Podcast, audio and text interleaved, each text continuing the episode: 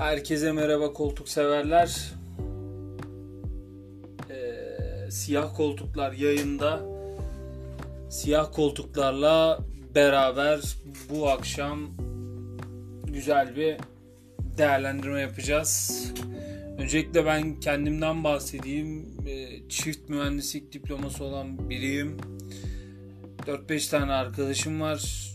Ee, bunların hiçbiri şu an yanımda değil. Zaten konuşacak kimseyi bulamadığım için bunları yapıyorum. Bu korona beni konuşacak kimse yokluğuna doğru itti. Ve ben de böyle bir projeye başlamak istedim. Bir yandan kendi işlerimi yapacağım. Bir yandan sizinle konuşacağım. Çünkü iş güç bitmiyor. Lanet olası iş güç yakamı bir türlü bırakmıyor. Evet. Şimdi öncelikle bugün ve yakın zamanda konuştuğum birkaç konudan girmek gerekirse şu şekilde. Şimdi ülkedeki malum ekonomik durum çok kötü. Ben de kendi başıma bu ekonomik durumla ilgili diğer mühendis arkadaşlara farklı farklı mecralardan işte tavsiyeler veriyorum. Şöyle yapın, böyle yapın tarzı değil fakat daha böyle sorunları tanımlayıp onların kendi yöntemleriyle onları çözmesini izlemek gibi düşünebiliriz bunu. Yani şunu yap, bunu yap değil. Daha çok sorun bu. Bak bunun farkında ol. Ya yani sorunu güzel tanımlamak çözüme çok hızlı bir yaklaşım sağlıyor normal insanlar için. Daha doğrusu mühendisler için. Öncelikle mühendis enflasyonundan bahsetmek istiyorum. Yani ülkede bir mühendis bolluğu var. Bunun tabii farklı farklı zararları oluyor insanlara. En başta iş ilanlarında görülen aşırı bir uzunluk görüyoruz. Bu tabii ki ya firmalara kızmak gibi değil de yani adam elinde bolsa hor kullanıyor gibi bir durum var. Ya da bol olduğu için birçok şey bekliyor. Normalde 3 mühendislik işi olan bir işi bir mühendisin üstüne yıkarak sonuçlar almaya çalışıyor. Yani bu mantıklı bir sürece doğru gitmiyor. İşte geçenlerde bir ilan gördüm. Belki bir veya iki hafta. Yani aklı yerinde bir şirketse zaten o ilanı kapatmalıydı. Yani ilanda bir şey yok. Şirkette bir şey yok. Ee, ilan başlığı şöyle yetiştirilmek üzere elektrik mühendisi alınacaktır diye 50 bin görüntülenme vardı. Kariyer.net'ten baktım buna. 10 bin kişi başvurmuştu ilana. Yani 10 bin kişinin başvurduğu ilandan ne çıkacak? Hani 1 bölü 10 bin yani güzel bir oran değil bence. Yani muhtemelen işe almayacaksın demek ya. 1 bölü 10 bine güveniyorsanız zaten arkadaşlar hani gidip loto falan oynayın, at yarışı oynayın. Yani daha garantili, daha ihtimal daha yüksek şeyler bunlar.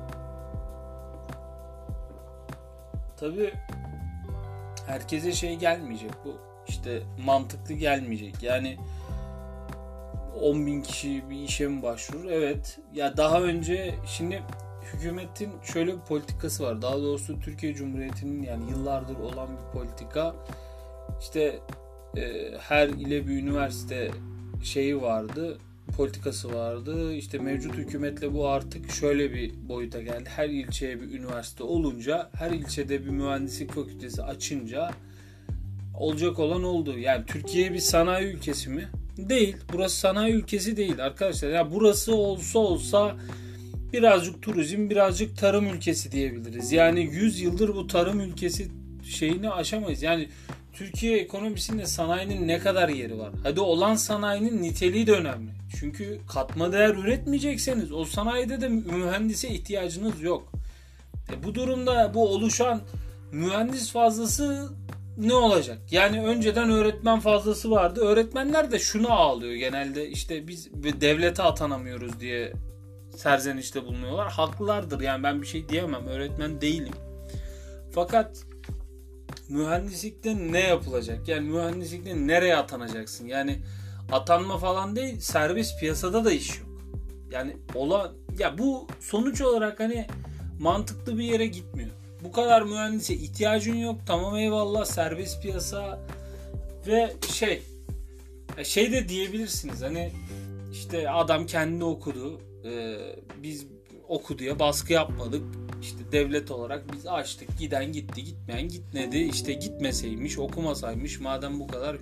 Öyle değil arkadaşlar. Ya yani Türkiye'de olan bir şey var. Hani herkes bir sınıf atlama merakında. Herkes bir e, zengin olma peşinde. Ya bu ülkenin kaderinde bu var. Herkes zengin olmak istiyor, herkes başarmak istiyor, herkes saygınlık edinmeye tabii ki yani herkes mutlu olmak istiyor ama bu kaynaklar Türkiye'de herkesi mutlu edecek kadar bol değil. Yani herkese statü verecek kadar statü yok. Herkese ya bu doyumsuzluktan da ziyade yani adam hani köyden çıkıp çıkmak için bir bahane bulması gerekiyor. O da en iyisi üniversite yani.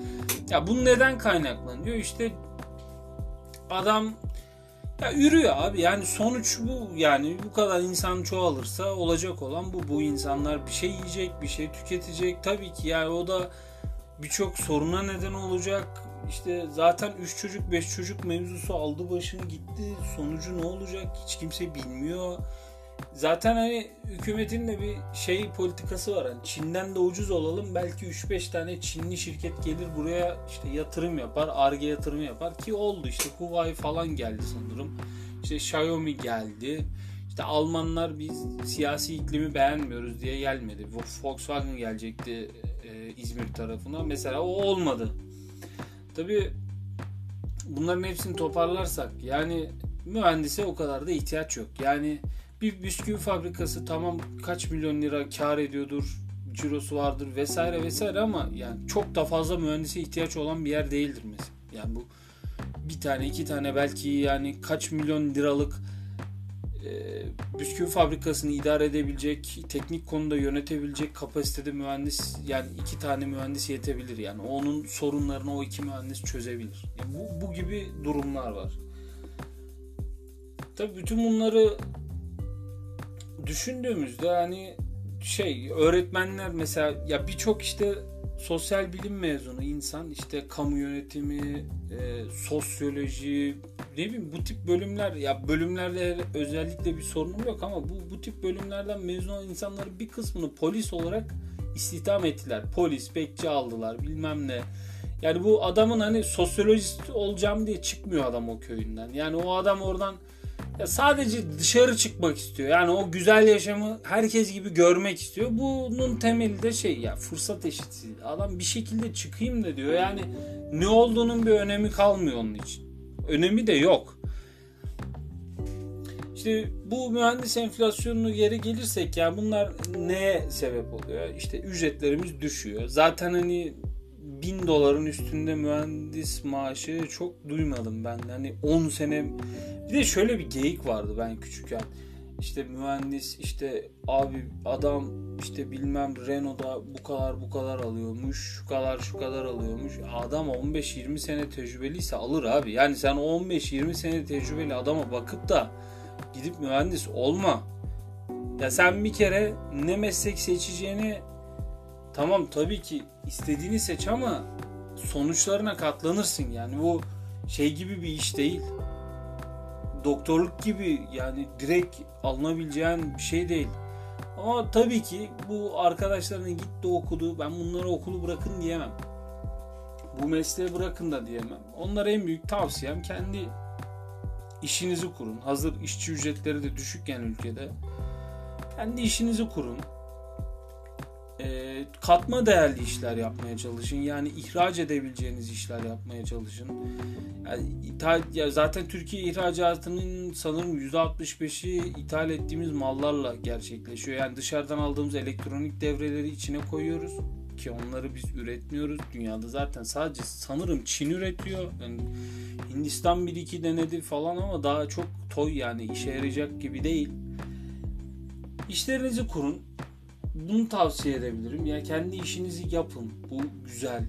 Mesela işte alıp yürüyen farklı Türk firmaları oluyor. Mesela Getir. Ondan sonra e, Peak Games sanırım evet Peak Games kendi şeyini e, rüştünü ispatlamış şirketler. Yani mümkün teknoloji ihraç etmemiz mümkün. yazılım ihraç etmemiz mümkün. Aynı şekilde bir yerlerde Türk şirketlerin adını duymak, işte Türk oyunlarının oynandığını görmek insanı heyecanlandırıyor. Bunda bir sorun yok. Ama işte bu mühendis enflasyonunun tabi gariban için bir sıkıntısı var. Yani herhangi bir iş kurmak istemeyen, herhangi bir sermayesi olmayan, sadece basitçe bir iş kurup, bir iş bulup oradan hayatını devam ettirmek isteyen insan için şöyle bir zararı var.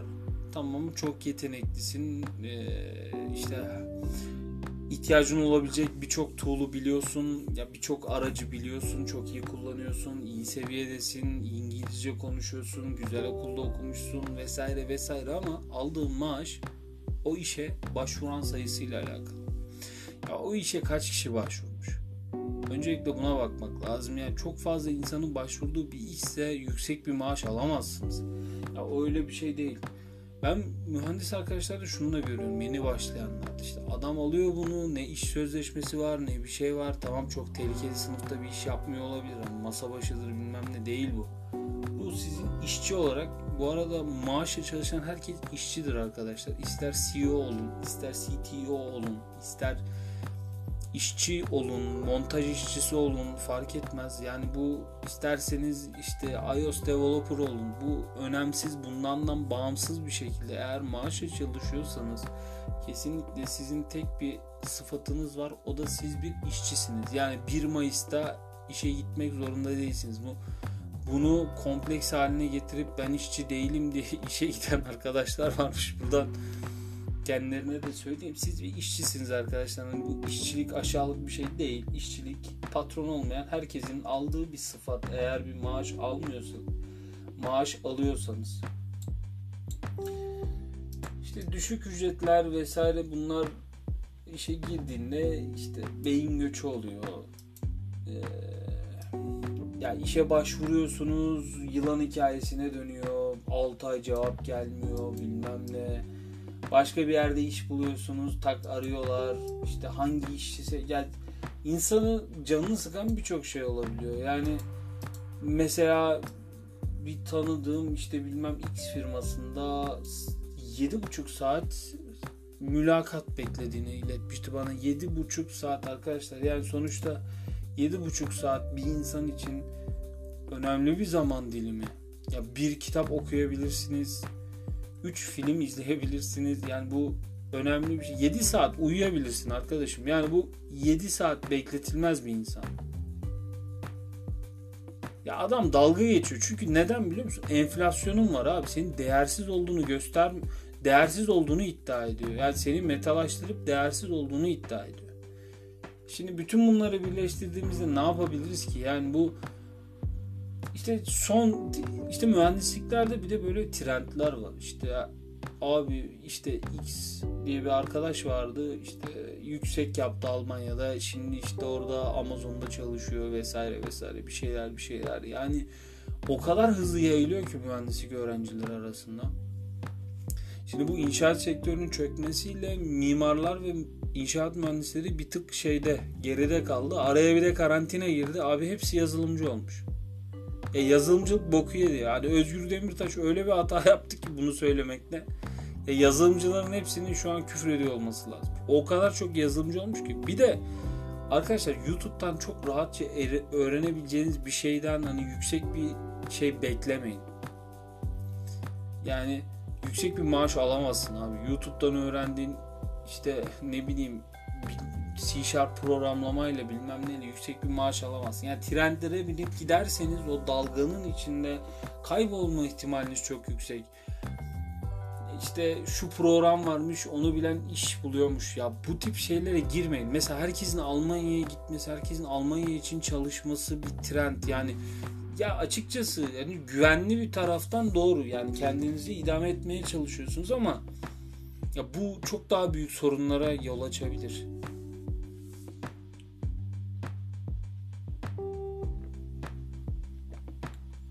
Mesela bu sizin için şöyle bir sorun olabilir. Yani Almanya'nın da belli bir istihdam şeyi var. Yani Türkiye o kadar çok mühendis olmuş ki. Yani ben hiç mühendis olmayan arkadaşım yok. Tamam ben hani teknik okul mezunuyum ama Yani mühendis olmayan adam tanımıyorum ya. ya bu şekilde olunca ya 5 arkadaşım var çok samimi. 5 veya 6 bilmiyorum. Sadece bir tanesi mühendis değil o da mühendis gibi yani. Böyle benzemiyor adam hani şey gibi ne bileyim böyle sosyal bilimci olması gerekirken değil gibi böyle yani neyse benim arkadaşlarımdan bağımsız bir şekilde yani çok fazla mühendis var. Bu sorun çok farklı yollarla aşılabilir. Bir kere mühendislik tercih etme mevzusu var. Yani öncelikle mezun olduğunuz okullara mail atın, ne bileyim YÖK'e şikayette bulunun, CİMER'den mi yazarsınız ya bu yolu size bırakıyorum. Mühendissiniz hepiniz yani bunu bir çözebilirsiniz. Bir kere bu kontenjanların azaltılması lazım. Ülkenin böyle bir mühendis şeyine ihtiyacı yok. Yani sırf oradaki esnaf kalkınsın, sırf oradaki gayrimenkul yatırımcısı kazansın diye insanların paralarını çarçur etmesine yol açıyorlar. Okullarımıza, mezun olduğumuz okulumuza yazıyoruz. Yani herkes bunu toplu bir şekilde yaparsa bence o gereksiz kontenjanlardan kaynaklanan mühendis enflasyonu azalacaktır. İkincisi ya mühendislik tercih etmek isteyen yakın arkadaşlarınıza, yakın kardeşlerinize yani tamam ya kötü durumdayız arkadaşlar. İyi bir maaş almıyoruz ya. Yani. Bin doların altında maaş alıyoruz. Bu yakında daha da aşağıya gidecek. Bu kadar adam mühendis olursa sonuçta siz, ya adam adamın işini görüp görmemesine bakmaz. Kaç tane adam başvuruyor ona bakar işveren maaşı verirken. 10 bin kişi mi başvurmuş? 2000 liradan fazla maaş alamazsın oradan. İstediğin ya de işte ya yüksek, yüksek lisans yaptım de önemli değil. Sen 10 bin kişiden biri sen tamam bitti. O maaşa katlanırsın. Üstüne mühendislik tercih etmek isteyen akrabalarınıza, arkadaşlarınıza, arkadaşlarınız olmaz da herhalde öyle kuzenlerinize falan tercih etmemesi konusunda telkin verin. Neden derseniz hani insanlar tercih etmezse tamam okulumuzun puanı düşer bilmem ne olur mühendislikler yerle bir olur ama buna yapacak bir şey yok. Yani o açan tarafın sorunu. Ya oradaki esnafın sorunu. Ya sizin değil. Ya bir kere şey yapmayın abi. Yani sermaye tarafından bakmayın olaya. Siz işçisiniz.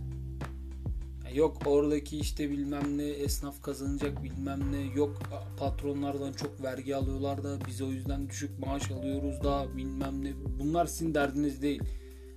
Aynı adamın özel hastanesi olsa doktorun maaşını nasıl yatırıyor o zaman?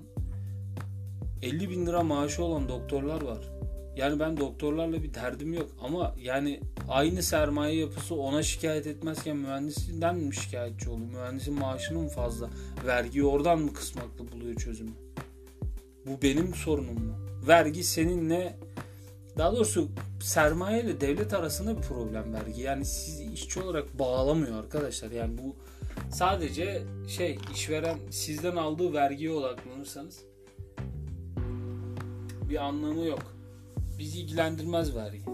Ya ilgilendirir ama şey yani işverenin benim maaşımı düşük vermesinin sebebi vergi falan değil. Çok fazla insan olması. Aynı çok fazla mühendis olması. İnsanı geç mühendisle alakalı. Ya o pozisyon için birileri başvuruyorsa o maaş düşer abi. Buna yapacak bir şey yok işte kuzenlerinize falan demiştim. Yani onları şey söyleyin açıkçası hani insanlar düşük ücretle çalışıyor. Bu konuda öyle bir açık yok. Bence bu mesleği seçmemelisin. Eğer seçiyorsan da kendi başka planların olmalı. Yani bu mesela inşaat mühendislerinin mimarların çoğu şey oldu. game developer olmuşlar. Yani mimarların çoğu 2D, 3D artist yani 2'de 2 boyutlu, 3 boyutlu sanatçılara dönüşmüşler İnşaatçıların birçoğu da coder olmuş anladığım kadarıyla. Ama tabi level design işte bilmem ne farklı farklı oyun sektörlerine girmişti. Yani oradaki eyvallah çok felaket bir kalem.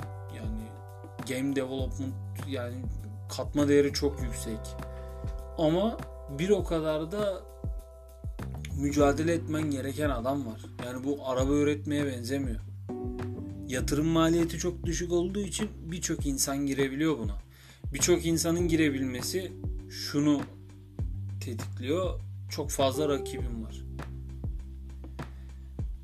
Devam o ki yani böyle farklı alanlarda istihdam edilmek gibi bir derdiniz yoksa mesela ben polis de olurum olsun ben mimarım ama işte oyun developer da olurum oyun geliştirici de olurum gibi bir kaygınız derdiniz yoksa zaten sizin için bir önemi yok yani. Takılmaya üniversite okuyabilirsiniz yani. Herhangi bir bölüm olur. Ama gerçekten hani bu işi yaparak ekmeğini kazanmak isteyen, karnını doyurmak isteyen gariban bir arkadaşınız, gariban bir kardeşiniz, kuzeniniz bilmem ne varsa yani kesinlikle önermeyin. Çünkü bu iş ya bu ülkede olacak bir şey değil. Yani tamam çok önemli firmalar var. Anlıyorum fakat bu kadar istihdama ihtiyaçları yok. Yani bu kadar mühendise ihtiyaçları yok. Ya durduk yere şimdi 500 kişi saçma sapan sınavlar yok kişilik testi yok bilmem ne ya bunların arasından sıyrılabilir misiniz arkadaş yani yok İngilizce sınavı tamam abi sen bana TOEFL'ımı IELTS'imi soruyorsan anlarım da yani adam soruyordur bu budur yolu. Yani o o seviyede değilsen benim diyordur işime yaramıyorsun diyordur. Ama adam kendi İngilizce sınavı yapıyor yok işte kişilik testi yapıyor. Ya siktir git neyin derdindesin? Alacaksan al lan birini. Ya bir kere kişilik testi ne? Yani benim kişiliğimle senin ne alakan var? Senin işinle ne alakası var? Ben sana önceki çalıştığım şeyleri göstermişim ilgilendiğim alanları göstermişim. Yani senin tam olarak derdin ne? Benden ne bekliyorsun? Önemli olan bu. Tabii iş görüşmeleri öyle geçmiyor. Artık çeşitli böyle HR cam, cammazlıkları yapıyorsunuz. İşte yok ya 20 çeşit mülakat tekniği bilmem ne değişik değişik kitaplar yok CV yazma teknikleri ya siktirin gidin ya 10 bin tane adam başvurursa tabii yok tekniğiydi bilmem neydi ya. Neyini zıplayacağım abi? İş ne? Ne iş yapacağım ben? Bana onu söyle onu sor ya. Tamam bunu da yapıyorlar ama bin tane mülakattan sonra bunu sormanın da hani insanda bir yorgunluk uyandırıyor. Ne işe yarayacak? Neye girecek? Yani ne, ne sonuca varacağız? Açıkçası farklı farklı çözüm yolları var bu sorunun. Yani insan kaynakları tarafında da yani şey de olabilir. Mesela Çalışma Bakanlığı bununla ilgili işte ilanlarla ilgili bir başvuru kısıtlaması ya da işte herkese cevap verme ya herkese cevap verilmediği için insanlar iş var da sanıyor. Sahte bir sürü iş ilanı var ya. O şirket yani hiç kimseye ihtiyacı yok. Mesela bazı ilanlar oluyor. O şirkette çalışan bir tanıdığınız oluyor. Diyorsun ki ya şu departman adam var. Aa diyor hiç öyle şey mi olur falan. Hani öyle bir şey aramıyorlardı. Mesela bazı şirketlerde departmanlar arası geçiş oluyor. Laf olsun diye iş ilanı yayınlıyor. Karıcığım niye yayınlıyorsun? Madem gelecek adam belli yani en azından kendi kendi niye yoruyorsun? Ya burada hani insanlar umut besliyor anladın mı? Tabii söylenecek çok şey var ama ya mühendislik enflasyonu toplam olarak yani hem bizim profesyonellerimizi bizden önce mezun olmuş adamları hem yeni mezun olacak insanları etkiliyor. Ya bu insanları ne yapacaksın? Hadi öğretmenlerin birçoğu yok. Özel öğretmenlik yok. KPSS öğretmenliği çeşit çeşit şeylere gittiler. Zaten kadınlar genellikle öğretmen kadınlar genellikle yani evlenip oturuyorlar evde. Hani ev hanım olma eğilimleri var. Mühendis olarak biz ne yapacağız? Yani nereye gidecek? Ya geçenlerde gördüm 30 yaşında adam hani yazılım öğrenir miyim bilmem ne. Abi 30 yaşındasın ya boş ver ya bu adam bu kadar keskin bir şekilde yolunu niye değiştiriyor? Bu, buna odaklanmak lazım yani. Mesela siz hiç gördünüz mü ya bilmem ne iş yapan adamın işte bir anda bambaşka bir işe gireyim bilmem ne. Yani girmesi kolay sektörler olduğu için yazılım falan tabii ki kolay değil. Ama kolay olduğu düşündürülüyor bazı insanlar tarafından. Olayın artık böyle enflasyon boyutu artık nirvana seviyesinde. Ya öncelikle şey yapmak lazım. Yani hali hazırda işsiz mühendisler ne yapar bilmiyorum ama ya en azından mesleki örgütlenme yapılanmaları varsa güçlendirilmeli, yoksa kurulmalı. Çünkü hem mühendislerin birçoğu nasıl çalıştığını bilmiyor, iyi şartlarda çalışmıyor, maaşlar standart değil, ne olacağını, ne edeceğini bilemiyorsunuz. hem de farklı farklı alanlarda çalışan arkadaşların hani birbirlerini kollaması bilmem ne falan gibi bir şeyden bahsetmiyorum ama ya bir deneyim paylaşımı falan olması lazım. Bir platformda birleşmemiz lazım. Ya bir taraf haksızlığa uğradığında o tarafın yanında olabilmemiz gerekiyor. Tabii mühendislerde böyle işçiler gibi binlerce çıkarım, binlerce işe alım falan olmadığı için ya bir tane iki tane olduğu, olduğu için insanlar çok fazla böyle kolektif bilinç geliştirememiş durumda. Ya ki haklılar yani. Zaten mühendislik eğitimi insanın böyle beynini siken bir şey, yoran bir şey. Yani okuduktan sonra mezun olduktan sonra bir 6 ay falan insan kendine zor geliyor.